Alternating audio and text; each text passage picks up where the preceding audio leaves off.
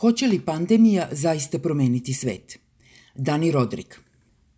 Postoje dve vrste kriza. One za koje nismo mogli da se pripremimo jer ih niko nije mogao predvideti i one koje je trebalo da dočekamo spremni jer su bile najavljene.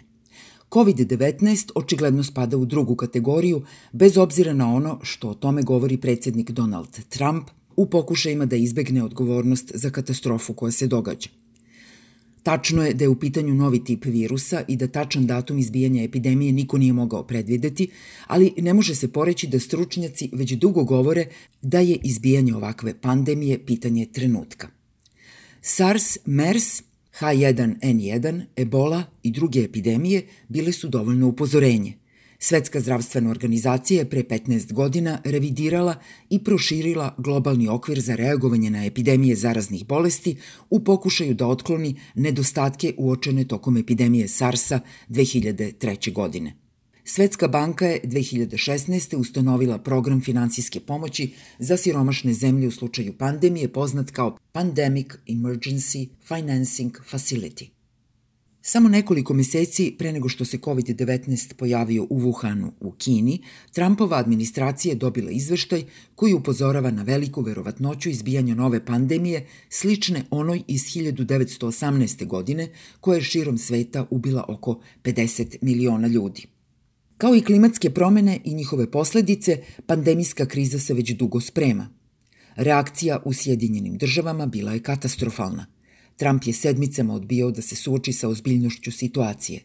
Kada je broj zaraženih i hospitalizovanih počeo da raste, pokazalo se da zemlja nema dovoljno testova, maski, respiratora i drugih potrebnih medicinskih zaliha.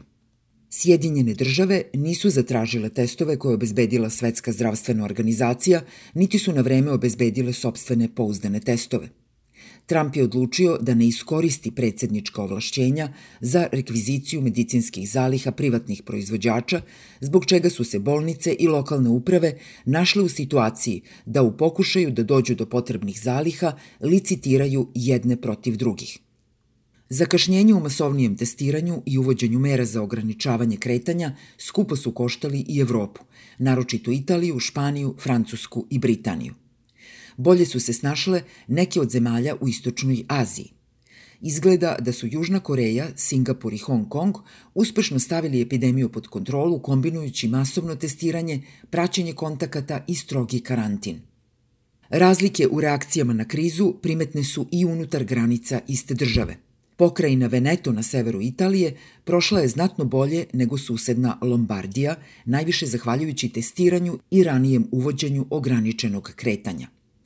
Kentucky i Tennessee, dve susedne države u SAD-u, prijavile su prve slučajeve sa razlikom od samo jednog dana. Krajem marta Kentucky je imao tek jednu četvrtinu ukupnog broja slučajeva zabeleženih u Tenesiju, jer je lokalna uprava brže reagovala proglašavanjem vanrednog stanja i zatvaranjem javnih prostora. Kriza se uglavnom odvijala onako kako se na osnovu prihvaćenog stila upravljanja u datoj zemlji moglo i očekivati. Trumpova smrtonosna nekompetentnost, trapavost i samoreklamerstvo u upravljanju krizom nikoga nisu iznenadili. Brazilski predsednik Jair Bolsonaro, jednako tašt i prevrtljiv, nastavlja da podcenjuje opasnost kao što je bilo očekivano. Takođe ne iznenađuje što su najbrže i najefikasnije reagovale upravo države čije administracije još uživaju značajno poverenje građanstva. Južna Koreja, Singapur i Tajvan – Odgovor Kine bio je tipično kineski. Cenzurisanje informacija o širenju virusa, visok stupanj društvene kontrole i mobilizacija ogromnih resursa u trenutku kada su shvatili šta se događa. U Turkmenistanu je zabranjeno korišćenje reči koronavirus, a zabranjene su i zaštitne maske na javnim mestima. Viktor Orban je iskoristio krizu da učvrsti apsolutnu vlast u Mađarskoj tako što je raspustio parlament i dao sebi sva ovlašćenja za upravljanje dekretima bez vremenskih ograničenja. Reklo bi se da je kriza samo naglasila i u prvi plan izvukla preovlađujuće odlike političkog života. Kao da su se tokom krize države pretvorile u prenaglašene verzije onoga što su bile pre nego što je pandemija počela – Oto da sledi da ova kriza možda neće biti epohalna prekretnica u istoriji globalne politike i ekonomije kakvu mnogi očekuju. Umesto da svet izvede na neku novu i značajno drugačiju putanju, verovatnijim se čini da će samo produbiti i pojačati već postojeće trendove. Veliki potresi kao što je ovaj i sami proizvode efekte potvrđivanja.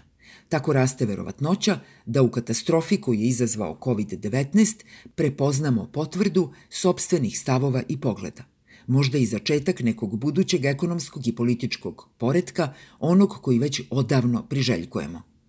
Ljudi koji se zalažu za istaknutiju ulogu države i više ulaganja u javna dobra, veruju da tok krize potvrđuje njihove stavove.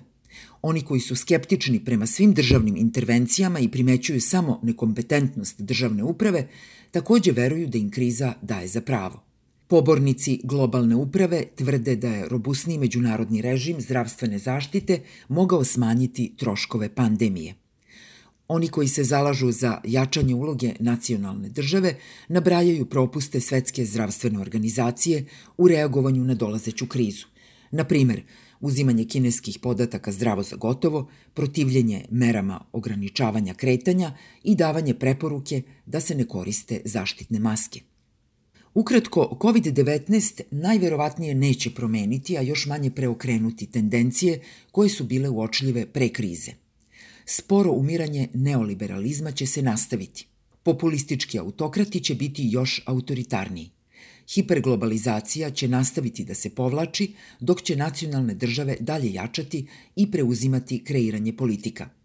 Sjedinjene države i Kina će se i dalje kretati putanjama koji ih vode u tačku sudara – Sukobi između oligarha, autoritarnih populista i liberalnih internacionalista unutar nacionalnih država će se intenzivirati, a levica će i dalje tragati za programom kojim će privući većinu glasača.